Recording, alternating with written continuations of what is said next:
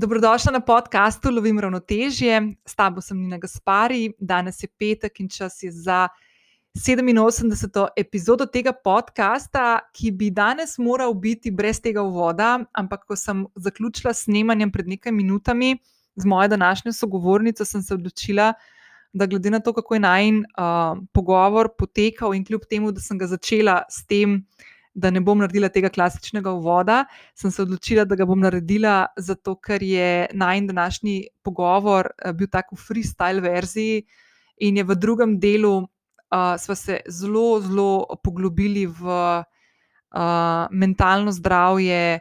V dojemanje sebe v svetu, uh, izzivov, ki jih ima vsak od nas v življenju, uh, in številne druge stvari. In bi res rada, da mogoče ta prvi del najnega pogovora z mojo mlajšo sestro Majo, ki je danes gostja uh, podcasta, uh, poslušaš in prideš tudi do tistih tem, ki verjamem, da so ene od tistih.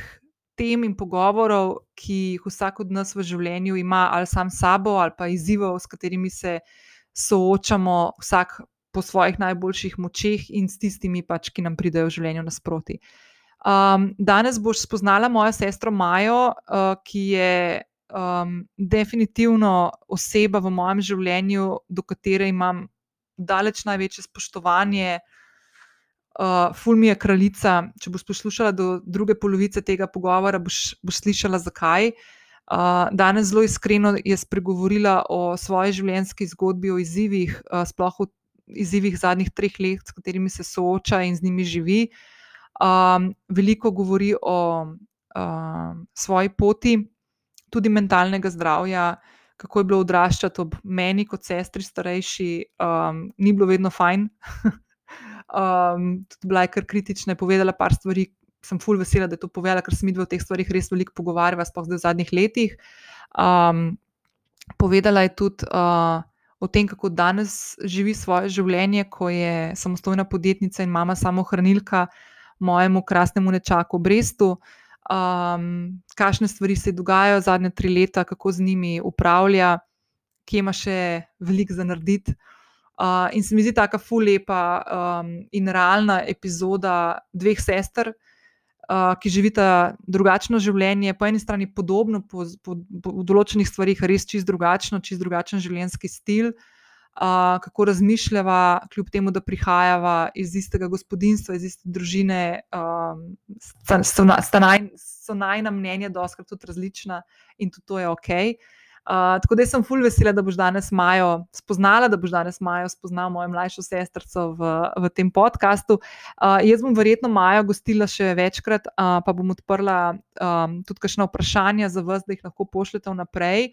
Sploh zato, ker Maja odpira eno tisto tematiko in področje, ki ga jaz ne poznam iz prve roke, to, to je starševstvo, materinstvo, um, teme kot so poporodna depresija, o katerih je danes malenkost tudi se dotaknila jih in tako. Uh, in se mi zdi tako, da lahko tudi ona iz prve roke, in sploh glede na to, kar boš danes slišala, kakšna življenjska zgodba je za njo, lahko tukaj res veliko stvari tudi ona pove. Preden skočiva v današnjo epizodo, te pa vabim, da če še nisi prijavljena na podcast Lovim Ravnoteže, to lahko storiš zdaj prek aplikacije, na kateri trenutno poslušaš to epizodo. Vedno sem vesela tudi ocenim mnen, ki mi jih pustiš na podcast aplikaciji, ali pa se mi kot vedno lahko oglasiš na e-mail ali pa na zasebno sporočilo na Instagramu, kjer je verjetnost, da ti bom res najhitreje odgovorila največja. S prijavo dajo ocene in mnenja na aplikaciji, pri kateri poslušaš ta podcast, pomagaš, da zanj slišijo tudi te podobne ženske in moški, ki jih je iz tedna v teden več. In se vam fulj zahvaljujem, da v tem podkastu tudi vi najdete teme, ki vas zanimajo. In tudi tokrat lahko spodaj v opisu najdeš povezavo do zapisa epizode. Uh, kjer načeloma danes nisem nobenih stvari dodatnih vključila, ker ni nič tazga bilo za vključiti.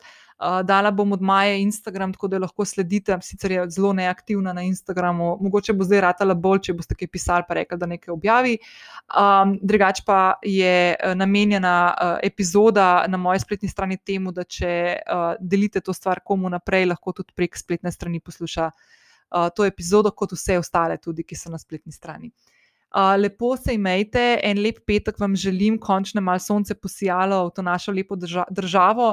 Uh, ujemite ga, uživajte in se slišimo naslednji teden. Čau, čau. Ok, danes bomo malo drugače začeli. Mm, začeli. In sicer danes je petek, uh, snemam ta podcast z mojo današnjo sogovornico en dan prej, torej v četrtek. Sonce je zunaj po dveh tednih, po mojem, in za jutri, ko ne bi ta podcast šel live, kaže tudi sonce, tako da upam, da ste v redu. Danes je 87. epizoda, ki bo mal drugačna že samim uvodom je drugačna, in v njej pozdravljam eno osebo, ki jo imam že full časa na listi, da jo povabim uh, kot sogovornico. Pa lahko preden jo predstavim, še povem, da bomo totalno freestylali, da nimamo nobenih posebnih istočnic teme, o kateri se bomo pogovarjali in bomo kar videli, kam peljajo. Pa meni se zdi, da če bomo danes to dobro speljali, se bo še kdaj uh, pridružila mi na podkastu. In uh, da predstavim današnja sogovornica, gostja v podkastu Lovim ravnotežje, je oseba, ki po mojem mene najbolj pozna. Uh, to je moja sestra Maja, moja mlajša sestra Maja a ne? Ponavadi rečem, da je starejša, ampak ok. Uh, okay mlajša, mlajša sestra Maja, uh, ki me ful pozna. In Maja, preden te vprašam, kako si, uh, te bom vprašala. Uh, ne, bom, bom samo rekla to, da uh, je danes tako. Komod, a veš, komod poveš, kakšno stvar tudi o meni, ki mogoče mi ni glih taka. Uh, Ker vem, da v preteklosti je fulejnih takih stvari bilo, uh, ki nisem jih ponosna na njih. No. Pa je prav, da tudi te, te stvari malo. Če bomo prišli do tega danes, ne vem, ali pa kdaj drugič. Tako da, ja. Maja, kako si? Uh, Živijo, v redu sem, v redu. Malo so hektični tedni, drugače pa um, bo. Zakaj so hektični tedni? Zakaj so hektični tedni? Um, ogromno enih stvari se mi dogaja na, na službenem področju, tako da um, imam res, res, full velik za delati in vsakeč, ko že vidim tako, uno, tako kot pravimo, luč na koncu tunela, me nekdo pokliče še z nečim novim, a bi še to, a bi še to. Um, Maja ne zna reči ne, to smo navajeni. Maja, uh, če ne zna reči ne. Še ne zna reči ne. Jaz tako nisem znala pri tvojih letih. Tako da. No, evo, tako da, tako da ja iz tega vidika je malo hektično, ravno kar, uh, ravno kar se, se je tam avček pozdravil, tako da se vsaj to postavlja na svoje mesto. Uh, jaz sem mal boljš po um, nedavnem cepljenju, uh, ki me je kar mal zdelal. Uh, tako da, ja, taka hektika, vsakodnevna, pa še kaj zraven pride. No. Čeprav tebe je to cepljenje za COVID res fulbal položil kot meni. ja, ja. ja. Zdaj, tako je, ne tri dni čez Boga. Ne? Mm, jaz sem bila v bistvu, ne, jaz sem bila v bistvu ta, ta prvi dan po cepljenju, sem bila, sem bila čist Boga, uh, drugi dan sem bila že ok, pol me pa v bistvu tretji, četrti dan, se pravi ponedeljek, torek ta teden, uh, tudi mal sreda, uh, pa kar fino zdelano. No. Um, tako da ja. Fino pa to ne. Uh, vročino pa tako občutek, um, jaz tega občutka drugače ne poznam tako dobro, no, ampak da bi imela občutek tesnobe, jaz sem temu rekel, da bi, bi imela eno luputo tako na vrhu sapnika, pa feeling, da ne morem čist, čist zares vdihan zraka. No. Uh, in sem se, moram reči, kar malo ustrašila tega, no, ampak zdaj sem, zdaj sem boljš. Okay. No, vse meni je tudi uh, tisti večer. Mimo grede, za vse tiste, ki poslušate, pa se še odločate, ali pa ste še čakate termin, ali pa ga imate, ne vem, naslednji teden. Pejte se cepiti. Ja, noč ta zgolj. Ja. No, pač res ni to zdaj neka full drama. No, tako da, tako da ja, ni, ni, ni nek problem. Ampak po mojem smo vsi zdaj tako mal. Malo smo živčni, bolj kot kadarkoli prej, ki čakamo, da bomo dobili čip, da se bomo z bilom pogovarjali. Zdaj, ne, jaz, sem, jaz sem jih to razmišljala, uh, razmišljala glede, glede cepiv, pa to pač, ja, nekateri na, na njo reagiramo malo bolj, uh, na ta, ta nova, očitno uh, nas je malo več takih. Uh, ampak um, se poskušam spomniti tega, ko je, uh, je bil tam avček star par mesecev, ko so ga prvič, drugič, tretjič cepili. Uh, ki je bil tudi kdaj, kakšen dan, dva, potem uh, imel vročino, je noro tulu In uh, se ti pa zdi, da ja, okay, je pač tam malo, malo mal se slabo počuti, pač tuli, ki drugače joka, drugega, ki joka ti tako ne znane.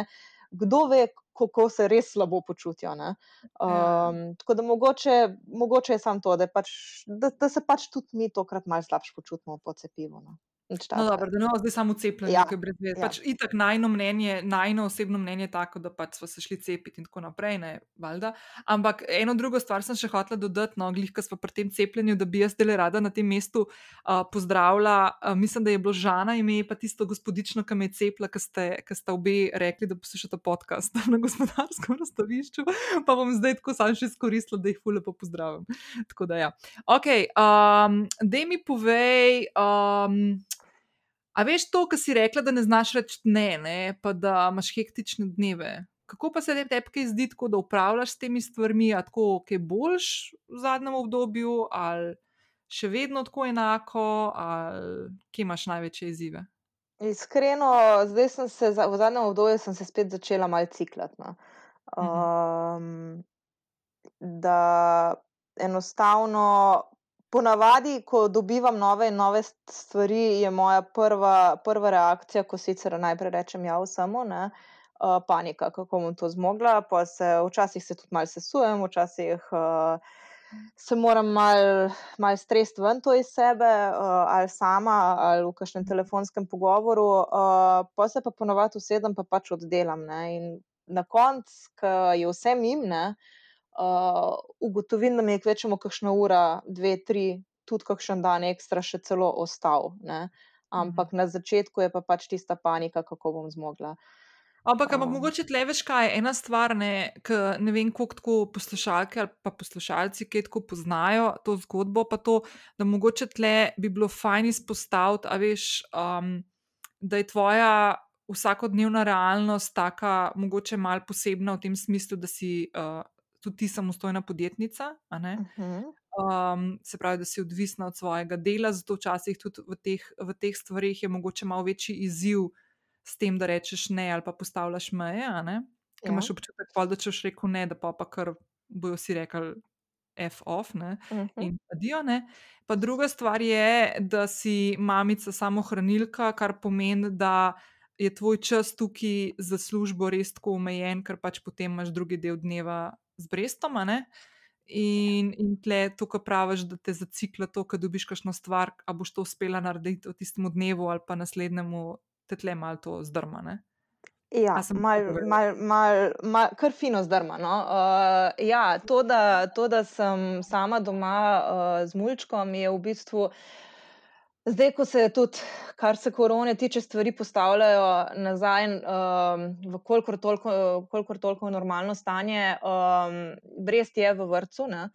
Um, ampak ja, pač vrtec se zapre ob 4-5, je treba otroka dvigati. In od takrat naprej, dokler, ne samo dokler otrok ne gre spat, tudi kasneje, ne, od takrat naprej do naslednjega jutra ne moreš delati. Uh, jaz imam Mhm. še to um, srečo v navednicah, da uh, Brest pri treh letih še vedno zelo slabo spi, zelo se zbuja, uh, pozno zaspi, tako da tudi če se jaz, ne vem, ob devetih, pol desetih, desetih usedem za računalnik, um, se težko zberem, glede na to, da je velika verjetnost, da bo v roku 15 minut, pol ure pojokcev, da bo treba iti k njemu uh, in bo prekinil tok dela. Tako da je vprašanje velikrat, a se sploh splača se usest. Um, Potem je pa še druga stvar, ki ti v bistvu vedno malo visi nad glavo, oziroma zdaj spet, uh, ko je vedno več otrok v vrtu nazaj. Um, pač lahko se zgodi to, kar se je zgodilo prejšnji teden, v torek, na polno sem delala, dobila klic iz vrca, ma, ta malček ima vročino, pridite ga iskati. Mhm. In se mi je avtomatično, so se mi naslednji tri dnevi porušili. ne. Mhm. Um, imela sem srečo, da ena naročnica, s katero zdaj na enem manjšem projektu delam, da ni bil problem za par dni uh, prestaviti deadline. Deadline sem imela do konca tedna, um, tako da zdaj še ravno te dni zaključujem te zadnje stvari, no, ki bi jih morala prejšnji teden. No. Tako da, ja, vržete Pa- iz tira. Pa ti pa še jaz uletavam ne, z stvarmi. Ne? Pa mi pa še ni naprej, da pa reče, da je lahko tole, da je danes rabim. Tš. Tako, ja, čakam na eno stvar, polka nehava snemati, da mi Ja. pošlješ. Ja, Okay, exactly. ampak v bistvu je tako, ne, um, da jaz, mi dve imamo tako res praktično diametralno skoraj ra- različen življenjski stil. Mislim, ok, pač obe delava, sva samostojni podjetnici. Um, ti imaš tukaj en velik, en velik um, ne, ne bom rekla breme, ker je to fulgardo, ampak pač en velik del, ki ga jaz nimam in si zaradi tega lahko prvoščam drugačen življenjski stil. Ne? Ti imaš bresta, jaz pač tega nimam. Ampak je fora v tem, ker jaz tebe tako opazujem zdaj zadnja tri leta. Naprimer, si ti ena od ključnih. Eden od ključnih razlogov, zakaj tudi jaz, ki pripravljam naprimer, vsebine in ko govorim, naprimer, vem, prejšnji teden, ko sem imela jutranjo rutino, uh, Jaz se fulj zavedam tega, da si lahko prvoščem, naprimer, da se dve uri zjutraj, ne, kako si zbula oči, da se dve uri zjutraj, če, če bi hotla, ne, se lahko prekladam po stanovanju levo, desno in delam tiste stvari, ki me veselijo. Ne. Pri tebi je situacija pač ne, na glavo. Jaz vem, kaj bresta čuvam tam po tisto. Ne, zadnjič sem ga čuvala prejšnji teden, kaj je bilo to? Dve urci. Ja, dve urci, ne. Jaz sem mislila, da bom pač fasala živčen, ker ne sem to, ne, brest je še tako ful dinamičen, pa živahen otrok, ne, ki zahteva ful pozornosti. Jaz ne vem, če so vsi otroci taki, no pač mogoče zdaj malo boljši tam tle, ampak pač take, da res tako je. Rab, pa ful zdaj čveka, pa se hoče pogovarjati, pa to in to je tako. Ne? Ja, jaz sem čisto iskrena, jaz se doma, ko je tam avček doma, se ne morem v miru stuširati tri minute. Recimo, Tako da jaz ja. to uredim v času, ko je otrok v vrtu, torej v času, ko porihtam delo, ko porihtam vse ostalo. Srečo mhm. imam, ne glede na trenutno situacijo, da pač vse čas delam od doma, da mi ni treba v nobeno pisarno hoditi. Um, in da si lahko kdaj pač vmes ukradem tistih par minut, zato da zase poskrbim. Ja. Ja. Ok, ampak dej, a gremo mi vedko malo Devet uh -huh. let, ko malo nazaj. No? Mi dve smo enkrat, mislim, da ne dve leti ali tri leta nazaj, smo delali, uh, mislim, da dve leti nazaj, smo delali na Instagramu ene te IGTV-je, pa so takrat dobili fulejnih vprašanj. Pa mogoče bi kakšnega tudi ponovila, ampak mogoče čisto za forono, da najprej poveva, da da si ti uh, šest let mlajši od mene, šest let pa pol, v bistvu si mlajši od mene. Šest let pa pol, ja. ja. In Maja ima v bistvu, uh, to moram vedno povedati, Maja je dobila ime, sem jaz dala, ne, mislim, tako mislim, da, da je bilo, no, jaz tako. Ne, pravim, da je to tako bilo, tako se spomnim. Čeprav, če bi dala kakšen drugi ime, verjetno bi rekla ne. Uh, dobila si ime po čebelici Maji, ki je bila ena od mojih najljubših risank, to zdaj tudi brez žive. Uh -huh. uh, da če bi dala flip, ne, verjetno ne, če bi bila fantak, ne, pol, verjetno to ne bi šlo skozi pri starših. Um, in mi dve smo tako odraščali skupaj v domu, taki čist klasični slovenski družini. Uh, prvih 12, oziroma tvojih 6 let v Ljubljani, potem smo se preselili na obalo. Jaz sem imela malo več krize kot ti takrat, ker sem še mehna, si šla v vrtec. Ja. Jaz sem šla v šesti razred, sem imela kar krizo, no? uh, spoh si s italijanščino. Um, tako da tudi ti, ki govoriš, imaš fulbol. Uh, primorski na glas kot jaz, čeprav pozdravlja si živijo, tako sem takoj kar malo zastrigla. Ja, preklapljam tudi jaz. Preklapljam. Se jaz tudi, no. se kul. Um, in um, potem smo imeli pa tako, da uh, ena stvar, ki je v bistvu na obe ful vplivala, je to, da sta se najna starša po 30 letih zakona ločila. Jaz sem takrat stara, tako tik pred 30, ne? ti si bila malo mlajša. Uh, in zdaj krmarimo naše življenje, družinsko, razširjeno družinsko, v nekih oblikah novih. Um, ampak veš, kaj sem jaz pomislila? Se ti spomniš svojega prvega uh, spomina, ki bi, bi mene vključeval tudi ja. v življenju? Ja. Kaj je bilo? Da si me učila, uh, da smo imeli ene, še v Ljubljani smo živeli, se pravi, bila sem mlajša od petih let, pa pol. Mhm. In imela sem neke delovne zvezke za zgodnje učenje, branja, pisanja in tako naprej. Ja. In ti si mene učila in sve delali. Ful imam tak ful, ful prijeten spomin na to. V moji sobi, to, tudi, to je tudi po mojem mnenju. Eden... Kraja se ne spomnim, vem, da pač, da, samo spomnim se tebe, pa tistih delovnih zvezkov, pa take, pa vajete so bile od tega, da si šel skozi labirinte, pa ne vem kaj vseeno ja. v glavnem. Ampak ja, tako, ti si bila tako moja učiteljica. Ja, jaz, ti si v bistvu full hitro začela brati, po mojem, zdaj ti stara ne štiri leta. Tako. Jaz mislim, ne? da sem začela brati, zve, uh, po mojem, ne vem, ali je bila kraljična na zrnu graha uh, ali, ali je bila zvezdica za spanka. Po mojem, ena od teh dveh knjig, da sem hotela, da se jo tolkrat prebere, da sem jo znala na pamet. In potem, ko sem jo znala na pamet, sem začela povezati to s črkami. Da sem Aha. pogledala tudi tekst, pa da sem šla po tem. Ampak ja, full hitro je bilo to. Okay. No, jaz se tudi, mislim, ne, jaz sem spominjala na tebe, imam prej, se, enkrat se Ja. spomnim, da sem imela neke scene tam na kahli, pa te fore, to mi je bilo čisto smešno, smo se ti fur smejali. Ne bom šla v detajle, ker so tako malo taki, ampak ok. No, to se spomnim, pa spomnim se enkrat, da sem bila tvoj koniček in si me jahala in si me nekaj tako stisnila, sem letela direkt na nos in si mi skoraj nos lomila. To se tudi spomnim. Ampak do- drugače pa se spomnim to, ja, da smo v moji, v moji sobi imeli šolo, uh, tudi tablo, pa to smo imeli in smo se tam ful. Jaz sem tvoja učiteljica igrala. Ja. Ful lepo, da se to No, spomniš, kako lepo. Tega se ful spomnim. Jaz se drugih stvari, jaz se zelo malo stvari iz Ljubljane spomnim. Mhm. Um, mislim, t- Ja, ko boš postajajo. ja. Imam spomine, no, ker itak sem bila stara pet let, pa pol, ko smo šli, se pravi, neki spominov more biti, ne, ampak se mal mešajo s tistimi potem že iz obale. ne. Uh, tega se pa ful spomnim in spomnim se, da je bilo v Ljubljani. S tem, da se recimo stanovanja v Ljubljani, razen, mislim, da pogleda iz balkona, ne spomnim. A res? Ja, sploh se ne spomnim. Vem, da smo imeli, Okej. baje vsaka svojo sobo, ampak ne spomnim se, Ali pa? fizi, kako je izgledalo stanovanje. Tudi ne vem, kako si prišel na balkon, ampak spomnim se balkona. Ok, zanimivo. ja. Veš, Sploh pogleda iz balkona, ne spomnim se, pa spomnim pogleda iz eh, sobe, ki je bil na drugo stran. No, ja. Zanimivo. Ok.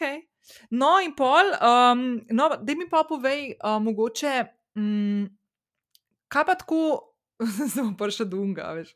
Ok, ene so tako lepi spomini, pa to. Kaj pa tako, kdaj sem ti pa najbolj šla na živce? pa komu si lahko iskrena, to smo se zmenili. Ne, povedala ti bom prvi tak res negativen spomin, ki ga imam na te. To smo bili pa, se pravi, prvo leto na obali, smo še v Portorožu živeli v tistem najemniškem stanovanju. Uh, in ti si takrat imela ful nek, ne vem, fetiš, da si se delala, um, da trgaš papir, da si prijela papir in da si pol naredila zvok, da ga trgaš. Uh, A, in, si, pihneš. ja, Ja, in, ja. si mi, uh, in si mi dejansko strgala podpisan plakat od Andreja Šifrerja. Oh! Ker sem ga jaz dobila sama, ker sem šla do njega v auditoriju v Portoroš in prosila za podpis po koncertu, in ti si strgala tisti poster. To je Andrej moj prvi Šifrer, res negativen spomin na te. Veš, kaj se pa jaz spomnim v tistem stanovanju, da sem naredila tep. Pazi, zdaj to ne. Uh, zdaj pa to, če, moj, na, če naj frizer Luka to posluša, da sem imela en kodralnik za lase in sem tep kodrala lase in sem ti jih zažgala in smo ti jih mogli odstriči. To se pa ne spomniš. Oh Mami je čisto Veš kaj, za- zapletli so se, tvoji lasje so se zavozlali in, in se pač skurali. Nisem jih mogla od, odvijati.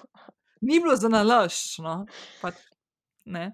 Ja, tako da, no, skratka. Ok, ampak dobro, um, dej pa pa tako, um, mi dve smo imeli tako eno obdobje, mislim, mi dve smo drugače tako se ful razumeli, pa to, ok, pa sem šla v puberteto in sem bila grozna, pa sem šla počasi iz pubertete, si ti padla noter, zbila tudi, no, sorry, ne. Pa lejte te jaz skozi zezam, jaz sem imela full house arrestov, ker sem bila mehna, ne, tako še v Ljubljani, ker smo živeli. Jaz sem zamudila eno minuto domov, pa sem imela en teden house arresta, ne. Uh, jaz se ne spomnim, da si to kdaj imela, ti praviš, da ja, ampak jaz mislim, da. Ne, jaz sem Hausa res dobila dvakrat uh, in sicer za svoj uh, 17. pa za svoj 18. Ne, za svoj 18. pa za svoj 19. rojstni dan sem dobila house arrest in je, ni trajal en teden, house arrest je trajal od 12. aprila, ko imam rojstni dan, do konca šolskega leta. Jaz sem ti zgoraj Jaz sem srala. tako naredila. Ja. Jaz sem ga res strala, ful bolj kot jaz. Jaz se ful nisem upala. Jaz sem imela tako, mislim, dajmo tako povedati, no, da v bistvu, valjda je tako prvorojenci pa to, ampak jaz, na primer, ne bom rekla, da sem se bala oči, ampak on je tako ful vedel, kva mora narediti, da sem jaz pač poslušala. Vse vsake tok sem mal šla, pa probavala, kje so meje, pa to pač pri meni je bila meja, minuto zamudiš, pa imaš house arrest en teden, pri tebi, obvisli, pač tega ni bilo več, ker se mu ni dal najbrž. Um, ampak je, uh, ampak, naprimer, res se spomnim tudi, ko smo bili že ful starejše, je on neki meni rekel, sem jaz to poslušala, tako sem se tam piznila, ne pa to, ampak sem poslušala, ker imel neko tako inštitucijo nad mano, ne. Pri tebi ni šlo tako. Ti si bila tako ful bolj na hojladrine, ti si ga res srala takrat, ko si bila tam po 15 letu, ti si delala, ti si bila, ja, frajerka. Pokaj si pa avto dobila, pa itak, s tistim, s tistim zelenim avtom si tam frčala po obali, sploh te ni bilo domov. A niste enkrat, a niste izmatu. No, evo, kakšna je razlika med Majo in med mano? Jaz sem prišla svojega maturanskega Ne, ne, ne, ne, ne. desetih, ti pa Ne. naslednji dan. Ne, ne, ne, govorimo o valeti. Ti si prišla iz valete ob desetih, uh, jaz pa ob štirih zjutraj. Valeta je to. Uh, maturanci, maturanci pa bil, ja, naslednji dan, zato sem pa haos res dobila do konca šolskega leta. Kaj tebe kar ni bilo, pa nas nisi javljala. Po mojem, smo še nismo imeli mobilnih telefonov, niti ne. Uh, moj maturant Ravno. smo že imeli, uh, in ja, pač nisem se javljala, ker sem spala. Sama, jaz sem tudi maturantskega plesa prišla ob desetih ali pa do polnoči, ker mi je bilo fulbedno. Tam ja, no, v desetih, v Portorožu, brez veze mi je bilo. No, tako je. Tako. Ja. Da se zdaj pa malo drugačne. Zdaj, pa ja, zdaj, pa, zdaj, ja, zdaj sem pa jaz doma za cele dneve, pa cele noči. Doma, je, veš, to, to, to je to. to, to. Ja, Dobro, ampak dej, okay, dej, pa pa tako. Um, kaj pa je tako, uh, kakšna sem pa jaz kot sestra, kako je to izgledalo tako skozi tvoje življenje? Razen to, pač valjda, začel se je ful dobro, naučila sem te brati, pismena si zaradi mene. Kar je čisto bizarka, ker ti zdaj meni vse lektoriraš, ker jaz delam res ful fuck up. Ne? Tako da ja. Maja, drugače kot lektorica, no, če kdo kaj rabi, lahko kontaktira. Uh, Maja je ni stvari pomembne, ker jaz pišem, da ne bi ona šla čez in pa mi piš, pošiljala nazaj udarne e-maile. To sem ti že stokrat povedala, pa še zdaj ne veš. Glavno tako. No. Um, ampak ja, ok, dej povej, kako je biti moja sestra tako skozi različna življenjska obdobja. Tako vlečem iz tebe, da me boš pokritizirala. No. Ja, ja, vse te bom. um, mislim, tako, kar se jaz spomnim, um, spravi otroštvo, odraščanje, pubertete. Um, mi dve, razen v nekih res tako ključnih trenutkih, no, um, nismo bile zaveznice. No. Bile smo bolj nasprotnice ena druge, tako sem to jaz mhm. dojemala. No. Um, Ves čas je bilo, pač je le med nami šest let in pol razlike. Um, in vse čas sem imela tisti občutek, pa to v bistvu zelo dolgo, no, do, do, ne samo puberteta, tudi pol še malo. Uh, to jaz vem več od tebe, jaz sem starejša kot ti, jaz imam več izkušenj, mene moš poslušati. Um, in pač so bili določeni trenutki, ki pač ne, ne bom te poslušala. Ne? Uh, in takrat je znal zapet. Predvsem je pa znal um, ko je med nami zapel, je bila pol to tudi uh, iz tvoje strani zelo velikrat um, zelo drastična reakcija. Uh, Zapreti v sobo, uh, se ne pogovarjati neki cajta. Um, ampak ja, no, mi dve smo dejansko bile kot pes in mačka do mojih zgodnih 20 let, bom tako rekla. Pa so se stvari začele umirjati. Um, je pa res, da občasno, zdaj zadnja leta sicer ne, no, ker tudi ni bilo neki velik priložnosti za to, ampak občasno, če smo mal preveč časa skupaj, uh, tudi zna do tega pritno, da se spet mal začne. Um, Pač tlet um, starosti. To je zelo hitro, se to zgodi, sorry. To ja. ne govorimo o enem tednu spočitan, govorimo o podaljšanem vikendu na Krku. Recimo, ja. ja. Da, uh, kaj vam od tega pride, Maja? Kaj vam je največkrat film poč? da imaš ti feeling. Ne, jaz mislim, da ni tak feeling, da ti film poč, ampak da je tisto, kar smo se v bistvu že parkrat pogovarjali, do česar pač včasih pride, um, da, se, da se jaz počutim neslišano, da jaz premalkrat povem direktno nazaj, kaj kar si mislim, ker sem pač uh, taka oseba, da sem se navadila se bolj izogibati konfliktom in s tem, kakšno stvar tudi zadržati zase, in potem se te stvari v meni nabirajo, pa pa poči. Tako da mhm. ponavadi, takrat, ko poči, velikrat, no, ne bom rekla ponavadi, ampak velikrat, ko med nama poči, uh, poči zato, ker meni odbije plafon, ker se pač si pustim, da se nekaj pri meni nabira, par dni, par ur, kolikor koli časa, lahko tudi par tednov, in pol eksplodira ven. No. Uh, in takrat pač je logično, glede na tisto trenutno situacijo, absolutno pretirana reakcija. Um, okay. Tako da ponavadi je to. No. Ampak mi dve smo lani, a smo lani naredili uh, uno uh, kod besedo. sva, sva lani. Ja. lani ja. Ja. No, mi dve lani smo se dogovorili, ker Maja je lani meni na terasi, enkrat, ko si k meni prišla zvečer uh, na večerjo. Um, si mi enkrat tako, si mi začela omeniti, mislim, da si mi to takrat prvič tako rekla, da imaš včasih občutek, da smo kje skupaj, da te preglasim, da ti ne pestim do besede, ali pa da te tako, kad ti nekaj začneš govoriti, da te jaz tako na hitro, tako malo, da je, da je brez veze. Um, in jaz, na primer, tega nikoli nisem spošla za tem, no, se pač težko je včasih opazovati sam sebe. Ne? In pa si tako rekla, so se nekako pogovarjali, kako bi lahko to spremenili. Ne? Kar se meni zdi čisto genialno, pa glede na to, kaj se zdaj pogovarja, pa kako je ta odnos med nami včasih potekel, kar res. Jaz sem šel v sobo, pa, pa še, ali pa sem te zatožila staršem, mislim, da še tako sem šla zatožila, to nisem povedala. Mhm. No? Bom, bom, bom. No, no, a ja, bo še. Uh, ona si kar prvošč, ker to je zadnjič v življenju, ki lahko. ja, ja. Uh, no, in um, In je bilo v bistvu ful dobro, da so se zmenili za, za, za besedo, veš, to tisto varna beseda, ki imajo kašni pri kašnih spolnih igrah. Sva si mi dve dali in ti si hotel, da je avokado, sem rekel, da to pač ne bova, zato ker jaz avokado preveč uporabljam, tako da sva dali besedo papaja. Uh mhm. -huh. In v bistvu ene dvakrat si jo ti že uporabljala. Sam je. Ja. In naj deloval. Je. Je, ja, mislim, no, ja, no, začela je smajati, je bilo. Ja, in potem smo ful začeli razlagati ljudem okoli, kaj se dogaja, da so sploh štekali. Uh, tako ja. da ja, pač smo zajadrali v neko drugo smer, ampak, uh, ampak ja, je delovalno, pač ustavlja si se. ja, ja no, to, to je tako v bistvu taka dobra stvar, ker če ima kdo kakšne take ne, doma stvari ali pa s partnerjem, da če pač upoštevaš te dogovore, pa to pol funkcionira. Tako da to, ja, najna kod beseda je papaja. Uh, tako da, ja. Um, ok, ti si itak še rekla, jo, kako mi je na živce, to je res. Ja, v glavnem. No, um, ja, ja ne, imam, imam še en ful dober, uh, imam še en ful dober spomin. Iz, uh, stara sem bila 16 hm. let. Uh, en dober spomin, kako, ti, kako si ti zatožila staršem. Uh, stara sem bila 16 let, uh, nekaj sem iskala po predaljih v sobi, in ti si preletela not in mi začela nekaj najedati, ne vem kaj, v glavnem, ignorirala sem te in iskala naprej. Uh, in sem odprla predal, v katerem sem imela skrite kontracepcijske tabletke. Aj meni, ti si sred, sred pizdjenja name, uh, si se ustavila, si se obrnila, si šla v spalnico k mami in si mami rekla, a veš, da imajo kontracepcijske tablete. In mami te je pogledala in rekla, ja, vem, ja. Uh, ne, to je tako res gledal. Ne, jaz sem te šla zato, da ni bilo tako, mami, a ti veš, bilo mami Maja. Maja, seksa, ona ima tablete, ta, pa še unga tipa si imela, da no, se vemo, koliko je ura. Ampak, ja. okay. Ja, no, je pač to vedela, ker jaz sem mami vedela, da si ti lahko vedela. Ne? Ja, ja, mami me čist zatrla, ni to tako rata, kot sem jaz mislila, da bom. Ne, se ti nisem hodila štale narediti, ampak tako mi je bilo. Ja, no, ja, no, ampak na koncu se je zaprla v sobo, tako ful si zelo putana ja. z vrati, ker se je bila užaljena, ker ti ni rata. ker mi ni rata, sprožil drame.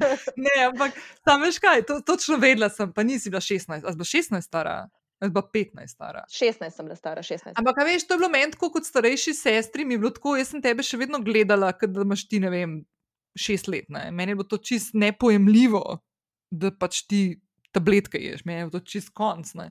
Tako da, ja, ampak se spomnim tega. Ja. Mislim, tako fuljenih takih stvari, na katere res nisem ponosna. Sam no, mami, no. mami je ful hujše stvari pri meni doživljala. Veš, mami je pri ne vem našla um, kapsulo v vrečki, ki je mislila, da je ne vem kaj. Pa ji nisem šla testirati. Da... Ja, ne, ni dala pol testirati, hvala Bogu. Um, pa je v bistvu nekaj, kar sem pač njej vzel, to je pa med mano, pa med mami tega.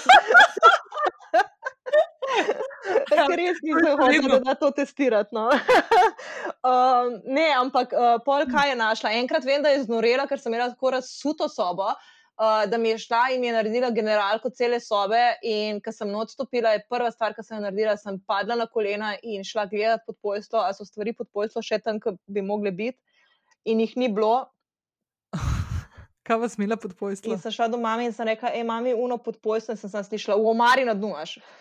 Kaj je bilo? Ja, pač imela sem, ne vem, en vibrator, japonski krogec. Špitno. Tako da mami je ful hujše stvari z mano, da je lahko sam tako, da veš. Oh, Dobar, čeprav, ne, čeprav to je bila ta scena, ki je oče enkrat meni naredil, uh, ko smo bili pa še v Luciji. Mi dve smo imeli No, dobro, ti imaš še zdaj ta izziv, ne? jaz pač ne, ne več. Ampak mi smo imeli to pospravljanje svojih sob, tako da pač flikneš vse stvari na dno umarjene, valjda. No, in oče je bil tako, valjda, prišel v sobo, pogledal in je znoro in tri minute časa imaš drugače po house arrest ali pa nekaj, pač njegove grožnje, ki so bile vedno. V glavnem, no, in enkrat jaz tudi pridem v sobo. In on meni je zmetal vse stvari iz dna umare na sredo sobe. Ne? In jaz tisto znorim, nehi, kaj mi to delaš, to je moja soba in oče, kdo kar boš pod mojo streho živela, ne ta scena. No, in jaz takrat sem rekel, pač ne, in sem se zaklenila v sobo, in on je začel točiti po mojih vratih, da ne odprem, ker to je pa njegova hiša in dokler bom jaz pod njegovo streho živela, se ne bom zaklepala in da ne odprem, in da če ne bom odprla, bo štel do tri, in pa mi bo spantov zbil vrata. In jaz se spomnim, sem sedela na postli, ker je bila tako totalno ne feng šujevsko postavljena, točno tako, da sem z, gla, z, z glavnikom gledala v vrata. In jaz, ko sedim po turško na posli, gledam v vrata in ne, ne bom odprla. In oči reče, do tri bom štev. In rečete, do tri, in se pa zaletivo v vrata. In vrata tako se zlomijo, da so bili panti še vedno na vratih, se zlomijo in padajo na tla. In on me ne gleda, ne vem, kdo bi bolj šokiran. Ampak jaz sem na pol mesece brez vratne. Eno fulgardo zaveso si imela čez pol ali nekaj. Nekaj si imela gor, ja, nekaj, nekaj, nekaj fulgardo. Skratka, oči, če to poslušaš, ne. Se jaz sem kar malo vesela, da si se malo umiril, ker ene stvari so šle res tako preko vseh mejane. Ošitaj, kaj tasga. No, ok, the best. Um, dobro, a bo tisto ne bo, ne bo ponavljala. Če kdo koga to zanima, lahko gre, kdaj ima Maja najbolj jezna name, gre lahko pogled na Instagram, ki bo povedala, pa razložila celo to sceno, ki smo imeli, ko sem šla iz Londona nazaj, pa kako sem ji vrgla iz stanovanja, pa te scene, to ne raba še enkrat, to, ne? Ne. Dobro. Um, kako pa je danes biti moja sestra? Hm. Zdaj pa pazi, kaj boš rekla zdaj pa prihajamo v. Ne, povej po pravici. Ne, čisto iskrena bom. Ne, v bistvu je, v bistvu je ful dobro, ful veliko se pogovarjava, čeprav kdaj tudi kakšnih stvari nočeš slišati. Pa ne v smislu mojih kritik tebe, ampak um, mojih zgodb o stvarih, ki se meni dogajajo. A to zdaj, grejo pač par dni nazaj ustavila. Ja, ja, ja, ker grejo pač te valjda na živce in nočeš teh stvari poslušati, in tako naprej. Mem pa kdaj, jaz pa kdaj rabim pač kaj ven stresti sebe. Ampak, veš, o, da kaj gre meni to na živce? Ja, vem. No, povej. Vem, ne vem. ne, ti bom povedala. Ta konkretna stvar, ki boš pač ti povedala, če boš hotela povedati, ne bom jaz iz tebe vlekla, uh, ni pa treba, da poveš. Ta konkretna stvar je neka tista stvar, ki imam jaz občutek, da se ti noter ful ciklaš. In jaz radam ful nestrpna, zato ker bi ti ful želela, da se, pa sej, by the way, si se ful premaknila ven iz te scene. Ne? Ampak jaz si ne predstavljam, kako to je. Um, Ali lahko poveva, zakaj gre? Vse ni treba detajle. Pač vsakodnevne stvari, mame, samo hranilke v pogovorih z. Um, tako. tako ja. Da, ja. No, ok, se pravi, jaz, ko, veš, ko poslušam, pa se mi zdi tako, da, da se 36 tič že isti krok vrti, pa ne zaradi tebe, pač zaradi te dinamike in, in to, da pač ne moreš vplivati na človeka in tako naprej. Uh, meni je včasih težko, zato ker bi najraje ti bi naredila reset ne, možganov, zato da se prestaviš nekam drugam. Po drugi strani nimam jaz take izkušnje osebno za sabo, da bi lahko bila pametna. In včasih pa tudi malo se mi iskreno ne da poslušati tega. Ja, že jaz malo utrujena, si sploh ne morem predstavljati, kako je to tepne. Ja. In fulo prosti, no, ker za njim je bilo ful hudo, zadnji, kaj bo to v ponedeljek. Mi je bilo ful hudo, ker sem te tako ustavila, pa to in sem videla, da ti pa v bistvu si rabila. Tako da, ja, takrat lahko tudi rečeš papaja, pa mi poveš, da si rekla papaja zaradi drugega razloga. Ne, res, ker pač nočem, da tako izpade, da, pa, da se boš počutila, da moraš paziti, kaj se z mano pogovarjaš, pa kdaj. Ampak uh, jaz tako malo ošpice dobim, že no, zdaj, ko poslušam. Ja, vem, se verjamem, ja, se jih tudi jaz. Da, um, ja. Tako da, ja. Mm, ne, pač. Uh, predvsem je to, no, čist. Uh, Mogoče, ne, se sem tudi prej govorila o teh stvarih, no, ampak uh, zdaj le trenutno imam svojo terapevtko na porodniškem, veš. In, in včasih pač mi malo zmanjka um, tudi tega, kar sem, se, kar sem se tam pogovarjala. Ne, tako da malo, malo počasi že pogrešam. Ja, ja, tako da od, v bistvu od marca je ni, um, polet ja, prihaja nazaj, v bistvu, ko mi čakam, ko mi bo prav prišlo, uh, menjati ne želim. Um, tako da ja, um, ne, ja. ampak. Um, Ne, drugače je ful dobro, ful sem vesela, tega, ker um, pač uh, najna starša sta oba uh, na obali. Um, in ko sem se jaz po več letih vrnila v Ljubljano uh, s tam avčkom, si bila pač ti edina v Ljubljani, ki si bila moj pač stalni kontakt in še zdaj si moj večinski kontakt. -huh. uh, kar je v, izključno v bistvu moja krivda, ker si vzamem premalo časa za uh, obnavljanje starih stikov, ki si jih želim obnoviti. Uh, pa Mhm. pač vsa ta dinamika, o kateri smo govorili že na začetku, in to, da mi vse popoldneve, vse, kar ni služba, mi prevzame časovno otrok, um, mi pač malo zablokira to obnavljanje kontaktov. No.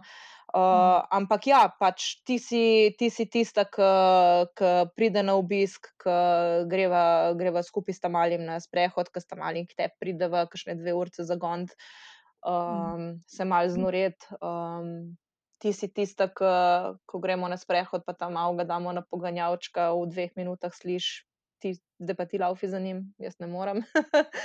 um, tako da, ja. Mm, mi pride, mi pride zelo prav, no, čist, uh, čistko egoistično gledano. No. Um, nisi sicer neka varuška, ne, oziroma si malo krat, uh, kar, je, kar je čist kul. Uh, ampak ja, no, mi popestriš popoldneve, da se pogovarjam s kom drugim kot s triletnikom. Tako da, by the way, je neumoren in ne neha gubcati. ja, a ne? pa sem še hujpo. Ja, in ba, pa se kul. Pa Saj bajdo, nisem se prihaja tudi iz familije, ki ne zna biti tih. Ne. Ja, ja. Plus, ne, da eh, moraš ga pa nekaj naučiti, ne, da me ne bo več domov pošiljal. ne, Ker to je pa zdaj rad ali pa dramatično že. Ne. To, kar pa on reče, ni naprej domov, ne, mu film. Veš, ne, on mene malo na dedi Laurota spominja, ne, ker on me v Ja. dosti odstop pa rekel, gremo. Svoj mogla babica ostati pa iti, sred obiska.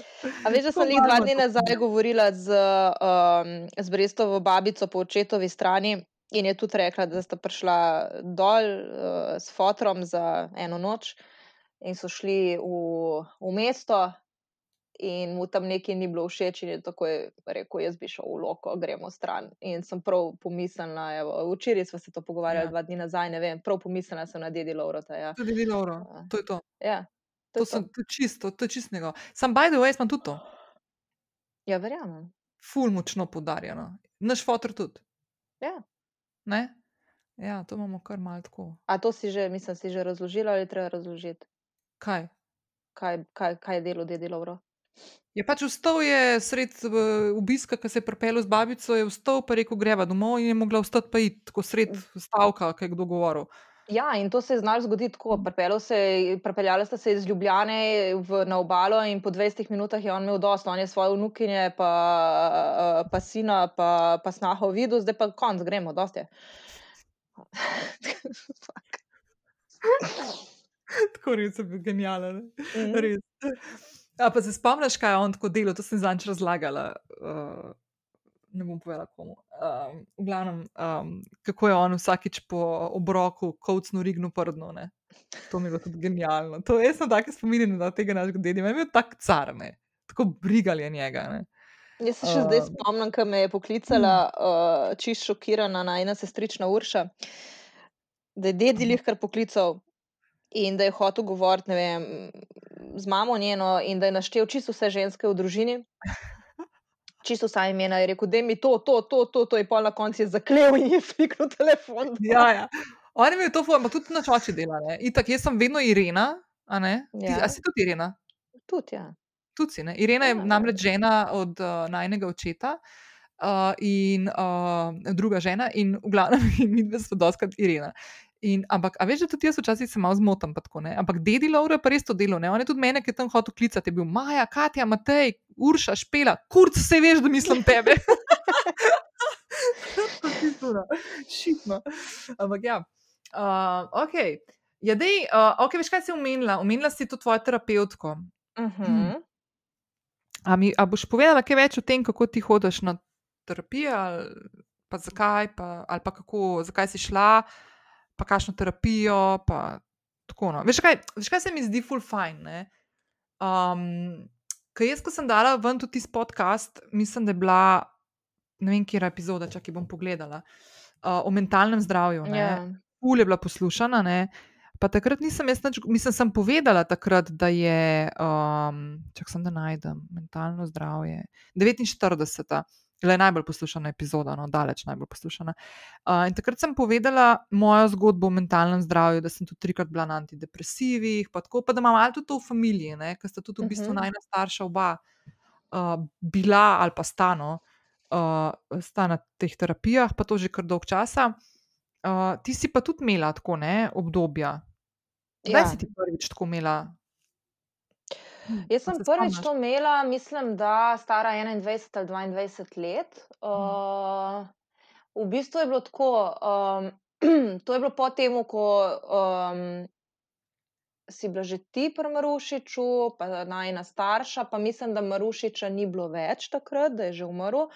Uh, Dobre, da, glavnem... da, da, da je to je doktor Andrej Marušič, pokojnik, ki je bil zelo, zelo, zelo priznan, uspešen in um, zaslužen psihoterapeut, mislim, da je bil on psiholog in psihiater, tudi ne, oboje, uh, ki je nažalost umrl star to, kot sem jaz zdaj, no, grozen, spoh ne morem pomisliti, da je bil star 42 let.